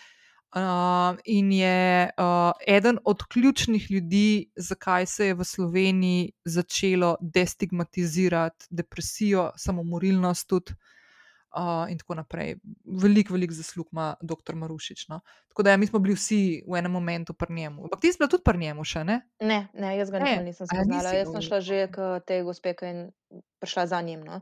Aha, okay. um, ja, in jaz sem takrat, uh, takrat se spomnim, da je bilo v bistvu tako. Um, po treh letih študija izrednega na politologiji, ki sem kamor sem šla, ker se pač nisem mogla upisati na novinarstvo, ker sem zaradi uh, svoje pridnosti pridelala v četrtem letniku popravca in sem pač maturo delala jeseni. To mi je bilo uh, genialno, da povem. To mi je bilo res ja, genialno. Ja. Uh, okay. Tako da uh, po treh letih sem se končno upisala na želeni študij. Uh, š, ja, šlo mi je dobro. Uh, takrat sem delala uh, na financah um, kot novinarka na spletu. Um, Imela sem enega fanta, ki sem se dobro počutila v vezi, dokaj do, dobro počutila. No. Sej, zdaj, ko gledam nazaj, sem v nobeni vezi, nisem res dobro počutila, ampak ok. Um, v glavnem, pač stvari so, stvari so laufale, stvari so bile ok. In jaz sem bila totalno apatična. Uh, nisem mogla občutiti zadovoljstva, niti ne žalosti, ni česar, pač apatija totalna. In nisem vedela, kaj narediti. In uh, sem se spomnila, da ste pač vi trije, vsi uh, že dali to izkušnjo skozi. Uh, vedela sem, kam ste hodili, uh, in v bistvu sem, ker smo se o tem doma pač dovolj pogovarjali. In uh -huh. sem, ne da bi povedala doma, sem jaz tja poklicala in vprašala, če se lahko naročim, ker se ne počutim v redu. In naročili so mi, mislim, da tri tedne kasneje. Uh, takrat uh, je imela uh, zdravnica ambulanto še v, um, v Strunjanu, v hotelu, uh, od, v zdravilišču Teram Krka. In uh, po treh tednih sem se jaz pač tja odpeljala. In vem, da sem sedela od spredi v avtu, preden sem šla noter in sem si mislila, da če sem sploh hit noter, se ne vem, kva bi povedala. Um, In sem šla, in ko sem se not usedla, me je najprej vprašala tiste par osnovnih stvari, rojstni dan, a, je, a piješ, a kadiš, a jemliš kakšne droge, bla, bla, bla, take čisto osnovna vprašanja. In ko smo to, ta glavno administracijo dali skozi, um, me je pogledala, pa me je vprašala, zakaj sem tam. In takrat sem se sesula. Mhm. Uh, in takrat je začel liti iz mene, niti se ne spomnim več kaj. No. Uh, ampak ja, takrat sem jaz prvič dobila diagnozo depresije in takrat sem bila jaz na antidepresivih štiri leta. Uh -huh. uh, najbrž tudi zato, ker se kot prvo jaz nisem kaj dosti premikala, uh, kot drugo pa, in to je zdaj moje prepričanje, no, uh, ni dovolj samo to, da hodiš k psihiatru tistih enkrat na teden, enkrat na mesec, enkrat na dva meseca za 20 minut, uh, prav pride zraven še kakšen terapeut. No. Um, v glavnem, po štirih letih sem jaz nehala z antidepresijo na lastno pest, mm, ne načrtovano, v bistvu sem jih začela pozabljati. Uh, jaz imam eno tako zelo. Um, Uh, ne vem, kako naj to uh, opišem. Jaz zelo veliko pozabljam. Pozabljam zelo veliko osnovnih stvari. tudi redno jemanje tablet. Recimo, uh, hvala Bogu, pri kontracepciji teh težav nikoli nisem imela, no, ampak vse ostalo ne, uh, je bilo pa, čim, čim, je bila, čim imam neko stvar, ki ne bi jo dlje časa delala, ki ne bi postala del človekove rutine. Um, se pri meni zelo pogosto dogaja, da na njo pozabim. Uh, to je še ena od stvari, ki jih moram presep malo razdelati, pa popraviti. No. Um, tako da, ja, in takrat se je zgodilo, da sem, ne vem, tri dni pozabila, pa en teden pozabila, in tako naprej. In ko se je to parkrat zgodilo, sem rekla, ok, pa dajmo probati, če dva tedna pozabim, kaj se zgodi. Pa če tri tedne pozabim, in sem videla, da folgam brez tega. Uh, ok, sorry, en medklic. Jaz sem trikrat šla z antidepresivom na tak način, pa v bistvu to fulni dobro. Ja, da, to fulni dobro. Pač je treba iti z zdravniškim spremljanjem te, te tako, stvari. Tako. No, to, ja. Tako. Okay. Jaz sem tudi trikrat šla dol na tak način. No, Tako ja. da, To ni uh, ok. No, pač, ne, ni ja. ok. No. Um, da drugič v bistvu sem šla, um, uh, je bilo pa to po mojem, kaj je 2015, 2014, 2015. Uh, sem šla do tvoje bivše zdravnice na polikliniko, dokler je še živela v Sloveniji, Aha, po, kaj je bila Uh, ona polona? A je bila polona? Petra. Petra. Petra. Petra je bila. Um, je bilo pa tudi uh, ene, v bistvu težave z partnerjem, sem imela, ki so me pripeljale do tega, da sem bila že čista avtna. Um, in sem pač poiskala tako pomoč. Uh, takrat, v tistem obdobju, sem tudi enkrat klicala na uh, ta telefon za osebe z, v, teža, z, v težavah. Ja. Enkrat zvečer, ja, ker sem bila zvečer po noči, sem bila tako sesuta, da sem pač nisem vedela, kaj narediti, in sem poklicala na tisto številko. Kakšna uh, zmena Uh, preizkušnja? to sem jih hotela reči. Moram reči, da je bilo zelo, uh, zelo v redu izkušnja. No. Okay. Uh, zelo v redu izkušnja, uh, tudi na potki, kam se obrniti naprej, in tudi to sem šla. Uh, tako da poliklinika ima, mislim, ne vem, ali vsak dan, ampak ob, od 8 do 8:30 zjutraj nekaj takega, greš lahko urgentno tja, brez napotnice, te je, to je sprejmejo. Ljubljanska poliklinika. ne? Ljubljanska, tako Ja. ja. Pa ful so Uh, dobri tam. No? Mislim, jaz sem na ful super sto so. Petru zadovoljna. Ja. Super so. In jaz sem takrat tam dobila eno, eno drugo sicer zdravnico, pre, eh, še preden sem šla do Petre, ki, uh, in to mislim, da je bil petek, in se spomnim, da mi je rekla, da bo v nedeljo delala na, um, uh, na kliniki, tam, k, tam pri očesni kliniki, ki imajo tudi za mladostnike. Uh, in da če bi bilo hudo, kdaj naj se oglasim, in sem tudi šla tja. In si je tam vzela čas za me, tako da res, mislim, res poskrbijo za te. Da, uh, in tudi ta telefon. Ne dajo ti rešitev ali karkoli, ampak nek, nekoga imaš tam, ki se pogovarja s tabo, ki Mhm. te čisto nič ne obsoja. Uh, Sej to je tisto, kar je v bistvu najpomembnejše, zakaj, zakaj je meni ful dobr imeti pol tudi kasneje terapeuta, uh, da imaš pred sabo osebo, ki ni povezana s tabo, ki nima mnenja o tvojem življenju uh, in ki te samo posluša in te ne obsoja. Um, in ne poskuša minimalizirati tvojih občutij, kakršna koli že so. Ne? Mhm. Um, ta tretjič, uh, ta tretjič sem šla pa iz, uh, na antidepresive, tudi diagnoza je bila depresija in pa anksioznost. Je bilo pa v bistvu v času, uh, takoj po porodu, čeprav, če sem čisto iskrena, bi mogla s tem začeti že mesece pred porodom, uh, že v času nosečnosti. Um, Najna pač veza ni bila ok, končala se je deset dni pred rokom poroda, mm, kar grdo. Uh, in jaz sem se pač takrat psihično totalno sesula. No. Se v bistvu ti si tista, ki me je najbolj spremljala, ker sem do poroda bila pri tebi. Mhm. Um, ker sem tudi pač živela tam, in um, po porodu sva se potem z Brestom preselila k moji mami za 15 mesecev. Uh, in takrat me je mama vprašala, še preden sem rodila, če pokliče mojo bivšo zdravnico in me naroči na obali. Tako da sem jaz dejansko v soboto sva bila z Brestom odpuščena iz uh, porodnišnice, v sredo sem jaz sedela pri psihiatrinji ta prvič. In potem vsak teden, par mesecev. Uh -huh. takoj, takoj sem šla na zdravila. Uh, takrat je bilo tako hudo, da mi, je, uh, da mi je tudi predlagala opcijo, da bi za par tednov se hospitalizirala, kar uh -huh. se je meni takrat zdelo totalno uh, neizvedljivo, glede na to, da imam doma novo rojenčka. Um, in sem se temu v bistvu odklonila in sem gurala naprej. Um, in mislim, da sem potem, ko je bil brez star, ene dva, tri mesece, poletje je še bilo, uh -huh. uh, sem pa na priporočilo prijateljice Anje uh, stopila v stik še z terapeutko. Uh -huh. Ki se v bistvu največ ukvarja uh, z ženskami v nosečnosti in po porodu. Tako da je bila v bistvu idealka za me. Uh, mislim, da je dve leti mlajša od mene. Uh, super punca, ki se, se mi je tako prilagodila, da smo prvo leto imeli terapije izključno prek Skypa, ker ona dela v Ljubljani, jaz, pa, jaz sem bila pa na obali. In smo se v bistvu po enem letu šele prvič osebno videli. No. Um, moram reči, da je bil ta, to srečanje tako kar čustveno. No.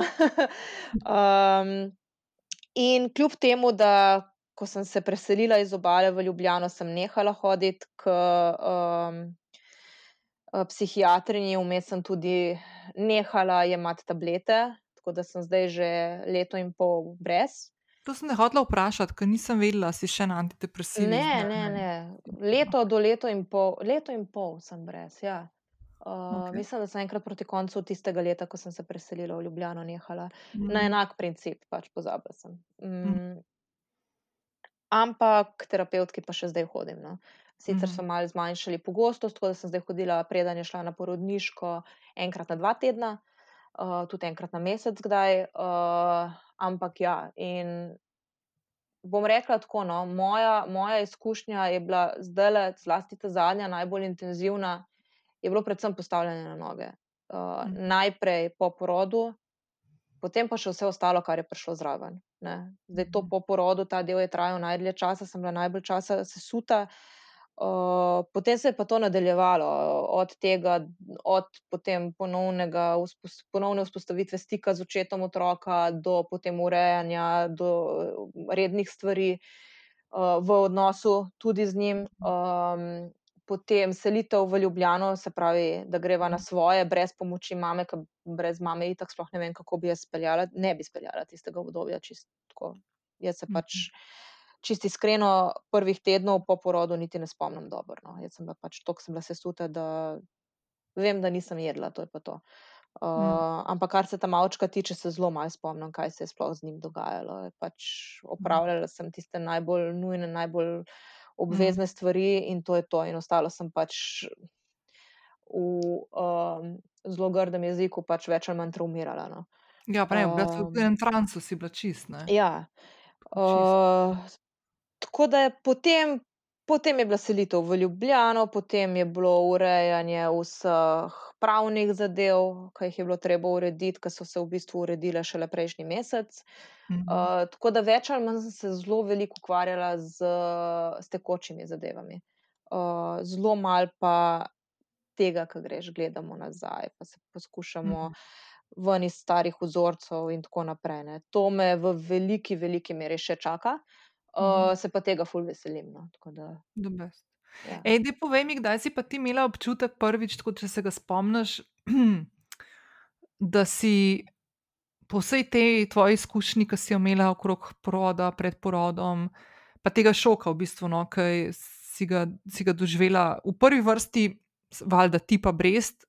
In da ne bomo pozabili tudi to, da take stvari doživlja pa tudi cela družina. Ne. To pač pride zraven, ne, da zdaj hočem tle da žarometa na mene ali pa na kogarkoli drugega, ker ni to fora, ampak se mi zdi tako ful pomembno, ker se je nekaj takih stvari izpostavlja, ki se mi zdijo res tako pomembne. Ena je ta, ki si rekel, da si šla sama, samo inicijativno prvič po pomoč, ker smo bili mi v družini tudi taki, da to ni bila tabu tema. Ne? Se pravi, tudi meni, ker sem šla prvič, mi to ni bilo nič kaj tasga. Meni je bil nek osebni failure to, da grem. Ampak ni, nisem se pa temu fulupirala, zato ker sem imela tukaj sprejetje v družini, da je to pač ena taka stvar, s katero so se tudi drugi, drugi člani družine že srečali in so me pri tem podpirali. Ne. Druga stvar je ta, ki si jo doživela v času tik pred porodom, pa to, ki je bila v bistvu šok, valjda najprej za tebe, uh, pa še za vse nas, kot si omenila, si bila ti prment iz teh deset dni. Jaz pa nisem vedela, kaj ne naredim. Mislim, to je moment, ko res grozen mi je bilo. No. Grozen mi je bilo tako spremljati tebe, pa ki si ko en mesečnik hodila okrog. Ampak hodila sem te to vprašati. No. Kdaj si ti dobila pol občutek, uh, da boš shendlala ali pa da, da imaš nekako tako v navednicah nadzor nad svojim življenjem? Kdaj si dobila občutek, da imaš moč nazaj v svojih rokah? A, a že imaš ta občutek? Ne, ti bom povedala, kako bom do tega prišla. Okay. Zelo sem, šel, zelo sem šel v feelingu, da pač kruzam. Mm. Kruzam vsak dan, vsak teden. Uh, mislim, mogoče ga zdaj malo dobivam, zato ker se postavljam, uh, postavljam toliko na noge, da začenjam investirati tudi v določene stvari. Um, mislim, da to so pač za marsikoga lahko gluposti, ampak ne vem, gremo v nakup avtomobila, jemljem prvi kredit in tako naprej. To so mhm. mi že neki znaki, ki mi kažejo, da pač ja, se očitno počutim dovolj trdno, stabilno, sigurno, samo vase, ne toliko v svoj biznis, to že spelaš, ne? ampak uh, sigurno samo vase, da se v nekaj takega spustim. Uh, ampak ja, pač še vedno pridejo, pridejo dnevi, pa ni jih malo, ne, ko nimaš pojma, kako boš handlal, kako boš prišel skozi, mm -hmm. ker nimaš pojma, kako boš ta vikend handlal. Ker se, si, si se sud, si zmatran, zraven imaš otroka polnega energije, ki zahteva od tebe maksimum, ne veš, če ga mhm. imaš. Vse na koncu ga daš, ne? ampak um, da bi prav rekla tako, stabilno, stabilno, ne, ne še. Dobro, ampak naprimer ti, ki si se takrat odločila dve leti nazaj, da, da se boste preselila v Ljubljano, ne? ti si pač takrat imela že neko tako moč v sebi, da si šla v to odločitev. Nisi šla čist z glavo v zidno, a veš. Do neke mere ja, uh, je bilo pa tako. Jaz sem predvsem, mislim, okay, pri 34 letih se preseliti nazaj domov, uh, nazaj k mami. Uh, je pač izziv. Je izziv za te, je izziv za mamo. Mhm. Je, mi, mama ima še tako stanovanje, da smo v bistvu s tam avčkom spali vsi trije v isti sobi, oziroma potem, ker tam malo ni spal, mama je še v službo hodila in mama je začela v dnevni sobi spati, kar mhm. dobiš še dodatno težo, Madonna, mamo sem na kavči zgnala. Um, kompatibilnost neki jo je, neki je ni. Ne? In v bistvu mal sem imela tudi tega dovolj. Ne? Strah me je bilo za znoret. Um, predvsem, kako bom zmogla, mislim, jaz, pač jaz vem, da prve mesece, ma, ma, po mojem, je trajalo več kot prvo leto otrokovega življenja. Jaz z njim sama na sprehod nisem šla, če nisem imela cilja, da je treba nekaj narediti, da je treba k zdravniku, da je treba na, uh, na občino, da je treba v trgovino iti nekaj iskati, da bi samo na sprehod šla sama z njim, jaz tega nisem zmogla, psihično tega nisem zmogla. Ker mi je to, ne vem, dajalo globoko noter nek, tist, tisto potrditev, res ta sama. Um, mm. In je bilo pol ful težko iz tega, iz tega feelinga reči, zdaj pa greva res nekam, ki bova res sama, ker tudi mame ne bo več zraven. Mm. Uh, tako da, ampak pač ja, želela sem se vrniti v življenje. Jaz na obali, pač z izjemo mame, um, pol tudi očeta, ki se je preselil dol na obalo. Uh, jaz nisem imela, jaz sem tam sicer našla prijateljico, ki se je potem preselila v Avstralijo. Ja. Uh, ampak ja, vsa moja, tudi tista stara družba, še preden sem se jaz, že pred porodom, odselila iz Ljubljana in sem itak z večino, že preden sem imela otroka, izgubila stike. Uh, ampak tudi tisti ljudje, s katerimi sem imela stike, so bili v Ljubljani, na obali nisem imela več nikogar. Zakaj pa si izgubila stike? Zaradi tega, ker me je veza, ki sem jo imela, potegnila stran od tega. Mm. Ja, to je tako klasična. Zelo pogosta, ampak zelo napačna poteza. Ja. Uh mhm. -huh. No, ampak sam, to sem tako zdaj ne. Veš, to, to zdaj tako sem zelo lahko izpostavila, zato ker verjetno bo tu tukaj zdaj kakšna poslušalka, pa poslušalec, mogoče, ki se znajde v taki situaciji ali pa trenutno v tej situaciji. Da pač take stvari za sabo lahko potegnejo potem več let vračanja v neke odnose, ki so bili v nekih trenutkih izgubljeni, dani na stran, pozabljeni in tako naprej. Ne? Ker Ja, so bile in druge stvari prioriteta. Ne? Koliko je pomembno, da imaš se, krok? Ne? ja, in ko se ti z, zaradi veze, ne bom rekla zaradi partnerja, ker ni nujno tako, uh, ker si pač ti tisti, ki se odločaš o teh stvareh, na, čist na koncu, ko potegneš črto. Ne? Noben, meni noben ni rekel, nikoli z, nekom se pa ne smeš družiti ali karkoli, boh ne dej, ne? ampak. Ja, tam so bile Uh, manipulacije. Ne? ko, ko prideš uh, do tega, da se pač nehaš družiti z ljudmi, Mhm. Uh, konec koncev, ne sam, samo v narekovajih, samo s tvojimi rednimi stiki. Mislim, noseča ženska, konec koncev gre v šolo za starše, sreča drugo nosečnico, mogoče kakšno staro znanko, ki ima otroka ali pa je v istem obdobju, in tako naprej. ne, Bo, boste imeli uh, približno enako stare otroke, kar je super. Super, zato Mhm. da imaš, imajo otrok družbo, imaš ti družbo. Uh, jaz tega nisem imela. Jaz sem na koncu pahnjena tja na obalo, kjer sem imela sicer najboljšo pomoč na svetu v obliki moje mame, ampak zraven tega pa popolnoma nič drugega. No, ampak tle je treba še eno drugo stvar dodati, ne, da si se ti znašla v situaciji, k, tako kot si zdaj že opisala, jo, da pač si bila čist na avtopilotu. Ja, Ti tudi jaz se spomnim, meni je bilo ful grozen, no, mislim, upam, da lahko to povem, no, da te ne bo. Um, meni je bilo ful grozen, ker sem videla, ti si imela ful težavo hoditi ven. Ne? A veš, naprimer, da bi ti šla sama z vozičkom, z Brestom ven, pa bi srečala tam na sprehodu še kakšne druge mamice, ki bi imele približno enako stare otroke kot ti. Ne? Ti si imela en, eno tako, en tak strah, oziroma nek tak, neko, neko prepreko v, potem, da bi hodila sama z otrokom na igrišče ali pa ven, ne? brez ja. da bi šel še zraven kdo. Ne? Jaz se to ful Ja. spomnim. Meni je bilo to ful hudo, ker sem to gledala in, nismo, in ne veš, kaj narediti. in v bi- Saj nimaš kaj, ne? v bistvu to moraš ti pohendlati. Ne? Ampak to je bilo tako meni. Mislim, to zato rečem, ker se mi zdi, da včasih tako ljudje res tako, sploh če nimaš take izkušnje, si ne, ne znaš si razložiti, zakaj nekdo ima nek tak išil. Ne?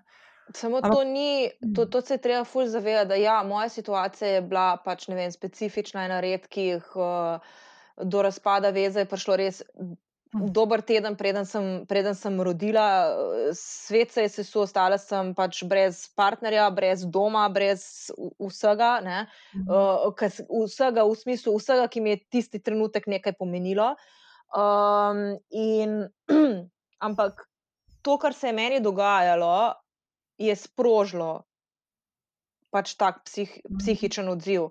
Ampak mi se ful premalo zavedamo tega, da je vsaka šesta ženska, da ima poporodno depresijo. Vsaka Mhm. šesta ženska in pri večini, oziroma pri preveč njih se je niti ne odkrije. In noben ne razume, zakaj je, zakaj je tako žalostna, zakaj se tako sesuva. Uh, in ja, je slaba mama, ali ne vem kaj, ne vem, kaj si ljudje mislijo. Ne, uh, ne zavedamo se tega, da obstaja tudi predporodna depresija, ki jo ima tudi kar nekaj, ne vsaka šesta, ampak vseeno dovolj veliko število žensk. In te stvari bi, bi mogli na, na splošno, se kot družba, bi se jih mogli not zavedati da Mm. ti, ko srečaš na ulici žensko, mamo, sesuto z majhnim otrokom, ne pomeni, da je nesposobna. Nimaš Ja, pojma, kaj se dogaja od zadaj. Pa ne pametvati, ne, ker pač ne veš. To pa absolutno, pa itak. Ja. Ja, ja. Ja, lej. Um, ampak, veš, tako bottom line, če lahko, eno dru, če lahko zdaj tako iz mojega vidika, malo eno stvar, ki sem jaz tako opazovala zdaj zadnje tri leta, čisto iz mojega zornega kota. No. Uh, mal bom zdaj sebična, ampak kaj se je zgodilo v teh treh letih po tej zgodbi, ki je uh, tebe pretresla v prvi vrsti, pa konec koncev tudi Bresta, ne? Mm, in začrtala neko življenje, vajno, ki ni bilo tako načrtovano, je po drugi strani naredila tudi en kup enih takih stvari, ki se meni pa zdijo tako. Ker sem pa v bistvu, to je zdaj fulgardno, tako reči, vse boš ti štekala, ker se to pogovarjam, ampak ker sem pa po eni strani ful hvaležna. Ne? Veš, ena stvar, ki se je zgodila, je naprimer ta, da je ta situacija, ki se je dogajala, po eni strani zbližala našo družino, ki je razpadla pred 12-13 leti. Ne? Uh -huh. Tako da sta se oče in mama prvič v istem prostoru z nama znašla, takrat, ko smo tebe selili deset dni pred porodom. Ne? Ja. Uh, in od takrat naprej imamo tako, ne da so zdaj neki bestiči, ne, ampak pač ni nobene panike. In meni in tebi ni treba neki strategije delati vsakeč znova, kaj je kakšen. Um, uh, čak sem mal. Ja, itak pride dostava, vedno takrat, ko snemam. Okay, to sem govorila, da, da pač ena stvar, ki je bila tako, ko se jo jaz zdaj pogledam nazaj, ki je bila tako pozitivna, no, je to, da sta naša, naša najna starša našla nek način sobivanja ob kakšnih trenutkih, tako da mi dve takrat, ko imamo kakšne rojstne dneve ali pa tako, da ne raba spet nekih težkih strategij delati, kako zdaj to narediti, da ne bo kdo užaljen, da ne bo kdo sedel, ki je pač, a veš, te scene. Ne? Mene je to ful obremenjeval, naprimer. To je ena stvar. Druga stvar je to, da je ta situacija tudi mene tako ful pretresla. In v bistvu to, kar si ti začela, današnji pogovor, ne, da sem imela pri meni doskrat občutek, da, da te tako, da jaz najbolj vem, pa da te ne poslušam, pa da te pametujem. Pa to, to dejansko je res. Ne. Jaz sem to res tako funkcionirala na tak način. Nisem se tega zavedala, ker sem mislila, da je to nekaj pozitivnega, da pač ti jaz povem, kako bi ti mogla kakšno stvar narediti. Je pa v bistvu zelo prepotentno, zelo taka prepotentna drža, ki z njo daješ konstantno ljudem, ki ti največ pomenijo v življenju, občutek, da karkoli se oni sami odločijo zase, ni dosti dobro za tebe. In ja, tako pač konstantno daješ občutek, da je not good enough ne, nekomu, ki ti je blizu. In v bistvu je tvoja ta izkušnja, ki se je zgodila, način, kako sem jaz, kot tvoja sestra, ki sem to opazovala iz prve vrste. Um, Kako sem to lahko tudi jaz nekako šla čez to, uh, je to, da sem šla na terapijo k v bistvu um, kmelitine, ki me je v mhm. bistvu. Ne bom rekla, da mi je življenje spremenilo, čeprav mi je. Ne. Meni je ta odnos do sebe, odnos do ljudi, um, umirila sem se, ful in tako naprej. Mislim, ful velik mi je dala na koncu ta zgodba. Ne. Konc koncev, ne, lahko še to poveva, po mojem, ne bo gruša jezna, da tudi konc koncev to, da sem ugotovila, da imam okrog sebe ljudi, pa ti tudi, konc koncev. Uh, to je bila res tako, ali lahko povem to zgodbo. Ali ja, ja. lahko jaz tako povem, kako sem jaz to zgodbo videla. No, Gruša je moja zelo dobra prijateljica, ena od teh mojih prijateljic, ki so v mojem zelo oskem intimnem krogu, ki se praktično vsak dan slišimo. In jaz sem Grušo spoznala, po mojem, kakšno leto, preden si ti rodila, ali pa mogoče leto pa pol. In Spoznali smo se zato, ker je Gruša stilistka hrane in jaz sem takrat imela eno naročnico, uh, ki smo rabili fotograf, fotografa in stilista hrane, in tako sem jaz z njo se dobila takrat na, uh, na Utozdu, na kavici, oziroma lažem na mači, ker so takrat jih kavo nehali piti, ko en teden predtem obe. Um, in by the way, ne vem, če sem tudi povedala, ne, na tistem prvem najnem srečanju je Grušo klicala Melita, najna kasnejša terapeutka. In jaz sem takrat melito spoznala tisti dan. Čez breg, na, na drugi strani brega Ljubljanice, na čist na hitro. In, in meni je Gruša že takrat rekla, da bi mi meni ful svetovala, da grem na terapijo k Meliti, ker smo se ful zaklepetali in smo se takoj pokonektali. No, tako da to je bil že ta moment. Ne. In pa, ko se je tebi ta stvar začela dogajati, mm, in ko si bila ti prmen tistih deset dni, uh, je meni Gruša skozi govorila, ker ti si takrat, ti si takrat imela to. Um, ful si bila jasna v tem, da ne želiš imeti nikogar od nas na porodu zraven. Ne? Meni je bilo grozno pomisliti na to, da oštitam sama ob vsem tem, kar se ti je takrat dogajalo. Um, razumela sem te, čisto sem te štekala, da nočeš nobenega od nas, ker smo bili vsi mi tako pod šokom, da po mojem se več z nami ukvarjala, kot sama sabo takrat, ne itak, tako da to je bilo po mojem čisto zelo legitimna uh, odločitev. In Gruša je meni tako rekla, da je maj reči, da če hoče, grem pa jaz z njo. Ne? Jaz sem že dvakrat trudila, vem, kako to zgleda in tako ne. In jaz tako, ok, ne? in jaz te rečem, da pač Gruša pa lahko gre ona s tabo in ti rečeš, ok, kul. Cool.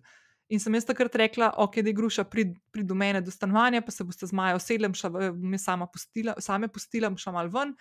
In Gruša pride k meni v stanovanje, to je bilo četrtek, ti si šla v nedeljo roditi, to bom nikoli pozabila, ker to je bil meni tako izven zemljski trenutek, da nisem mogla razumeti. Gruša pride v stanovanje, vidi, da se vidi tam v, v predsobi in si da ta roko in se predstavlja. in mene kapsune, ki so rekla tako, a vidve se sploh še ne poznata. In ste se takrat prvič videli. Ja. In štiri dni kasneje smo jo klicali zvečer, full pozno zvečer, po mojem, že skoraj polnoč. Pol polnoč je bilo, ja. Ja, in ona je preletela in te pelala v kran roditi. Uh -huh. In meni message pošiljala vmes, kaj se dogaja. Ne? Uh -huh. Mislim, tako res. Mislim, tako, pa kar včasih se tudi kaj spičva, pa to, ampak fakt kruša bo vedno tako, pač ne, una, ker rodila mojega ne čaka praktično. Na pol, veš. Tako da ja. Ja. Ja, ej, ja, no ne vem. Glej, prenesel je vse, vsa ta, vsa ta štala, ki res ni bila mehna, je prenesla tudi en kup dobrih stvari. Ja. Um, konc Valjda. koncev, uh, tudi za Bresta. Ne, ker uh, situacija, ki je bila tam, ni bila ok, in ne bi bila ok tudi v prihodnje. Ne. Uh, in je veliko bolj, da pač je vsak na svojem koncu, in da ima on mamo, ki je vesela, zadovoljna, hektična, raztresena. um, ampak ja, tako da. Um, Jaz v Ja, bistvu ta trenutek, tako kot sem, sem sicer rekla, da pač ja, ne, ne počutim se neki, da sem pa zdaj stoprocentno in na svojih nogah in ne vem kaj, čeprav sem. Ne. Si, ja, ja. Um, ampak predvsem sem, sem zadovoljna. No. Sem zadovoljna tukaj, ki sem.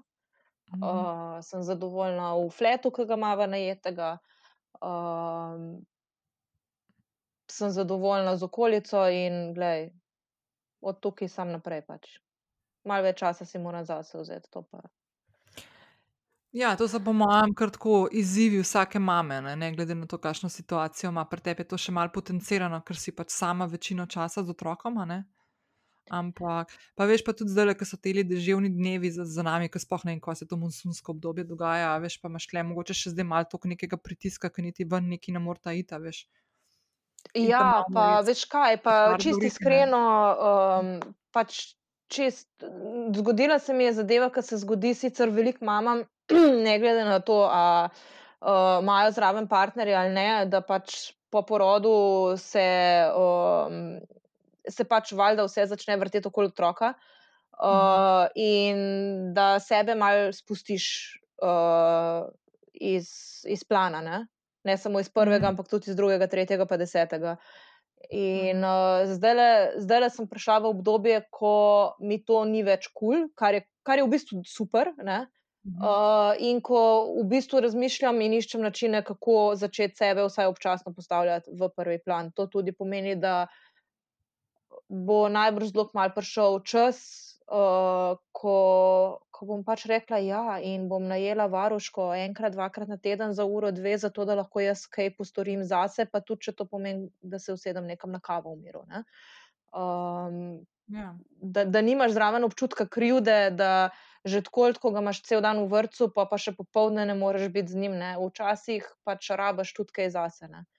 Uh, Valjda. in tudi to je ok. Valjda. Um, tako da, Ne, ja. itak, itak. Pa ne, pa se ti bom tudi jaz no, oddelala, kakšno stvar Pa dodatno. ne, se to je, zakaj ne bi, a No, veš, se to. veš. Ej, zadnjič mi je kolegica Anja rekla, mene poklič, bom jaz varuška, kadarkoli ima. Anja, glej, raje pokličem varuško, pa grem s tabo na kavo. Mhm. Pa tebe, kot moja prijateljica, ponucam, v narekovajih ponucam, ampak ponucam zase, za svoj čas. Ne, Mhm. ne pa, da boš ti čuvala mi otroka, da bom jaz šla nekaj XY drugega početi, a veš. Ne? Ja. Uh, tako, da, tako da ja, pač to moram. Ne, mogoče pa sosedovega fanta, ki je en srednješolc vprašala, če bi čuval otroka, kdaj pa kdaj. To se tako zgledaš, kot ta prvega, tam, ko mi je prišel dala. Čakaj, malo, ne. ne. Um, Ja, kulno. Cool, A je še kakšna taka zadnja misel, se mi zdi, da so fulejnih stvari imele danes, takih intenzivnih. Bom jaz za naslednjič, ko bi te poklicala, veš kaj, pa bi lahko naredila tako, pa mi jaz dala ven, da lahko kakšno vprašanje pošljejo ali kaj tasga. Ker ti imaš tle en, en, eno temo pokrivaš, ki pač jaz ne morem, ne, to je pač materinstvo oziroma starševstvo, pa to ne. Sicer jaz lahko povem marsikaj, kako je biti teta, ne, ampak. Zdaj mi tako malo tako izpadla, da ne vem, bresta sem čuvala dvakrat. A so lahko čisti iskrene. No? V treh letih pa, tako, pa otrok je še vedno v plenicah, v treh letih, enkrat nisi pokakane pravila. Ja, zato, ker smo mi z Brestom zmenjena, da on, ko je z mano, nekako. Ja, ja, itak. Čak, sem zdaj to povedal, da tudi ni posran. Ne? Kaj? A je bil kdaj pokakan, ki je bil z mano? Ja, ja sam nisi bil, ne, ampak si imel še nekoga drugega zraven, ki ga je privil.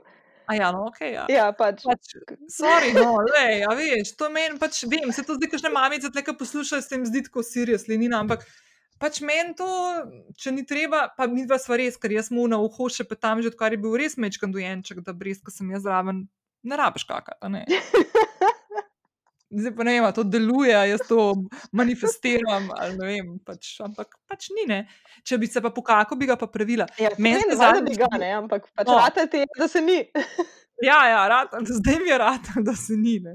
Ampak zdaj pa meni, zdaj sem se malo ustrašila, ker je bil tleper men, dve urci, uh, da je bil posran, pa ga jaz nisem pravila. Ampak pol ni bil. Ne. Ni bil, ni bil. Ja, no. Skratka, mislim, dobro smo to zdaj naredili, zdaj je tako res. Uh, Ampak, ja, ja noč polno, to je to. Imamo še kaj, kakšen uh, zaključno misel? Pa ne vem. A? Kaj pa vem? Ne? Ok. Dobro, pa, pa je to to. Ja. Noč, ok. Uh, da mi uno lektoririno. ja, da jim moram poslati danes naprej stari njih, ker si mi dve uro pa pol vzela iz delovnika. Bo ja, gled, ja, vse bo narejeno. Ja, mimo grede, ko smo že glih tukaj, lahko še napoveva eno stvar. O, le zdaj prešer. Maja drugače pripravlja eno osebino za eno e-knjigo, a ne Maja. Ja, res no? je. Kdaj pa bo to kaj narejen? Ne vem, malo moram, uh, mal se moram, mal se moram zorganizirati glede svoje produktivnosti. No, sam to bom rekla. No, malo tisto vsebino preber. Bom, bom. Svašta. No, v glavnem, Maja bo pripravila eno vsebino na temo produktivnosti, a ne Maja. Ja. By the way, izhaj iz sebe, iz teh svojih problemov, vključi to zraven, a veš, kako se ti pol nahendlaš, pa kako si se kakšno stvar spoprijela z njo in upeljala in tako naprej, a veš. Uh -huh. noš, ne? Ja. Zdaj pa bom šla jaz to česne, pa bom pač. Pa no. bo že tako zdisala vse. Ne, ne bom. Ja. No, skratka, to je to. To je to. Ej, če hočeš, lahko danes, uh, okay, to bomo zdaj jutri poslušali, ampak danes uh, greš lahko, lahko priješ v mesto, če se ti da zpopovdan, tam okrog petih, pol šestih, kamalinca daje palačinke na pogačarevem trgu. O, oh, fino. No, no da bom videla, da speljem tam malo stran, tako da, hm. le, mogoče bom pa. No, poklič. Okay. Dobro, ajde, lepo bo. Slišmo, enako. Čau. Čau. Čau.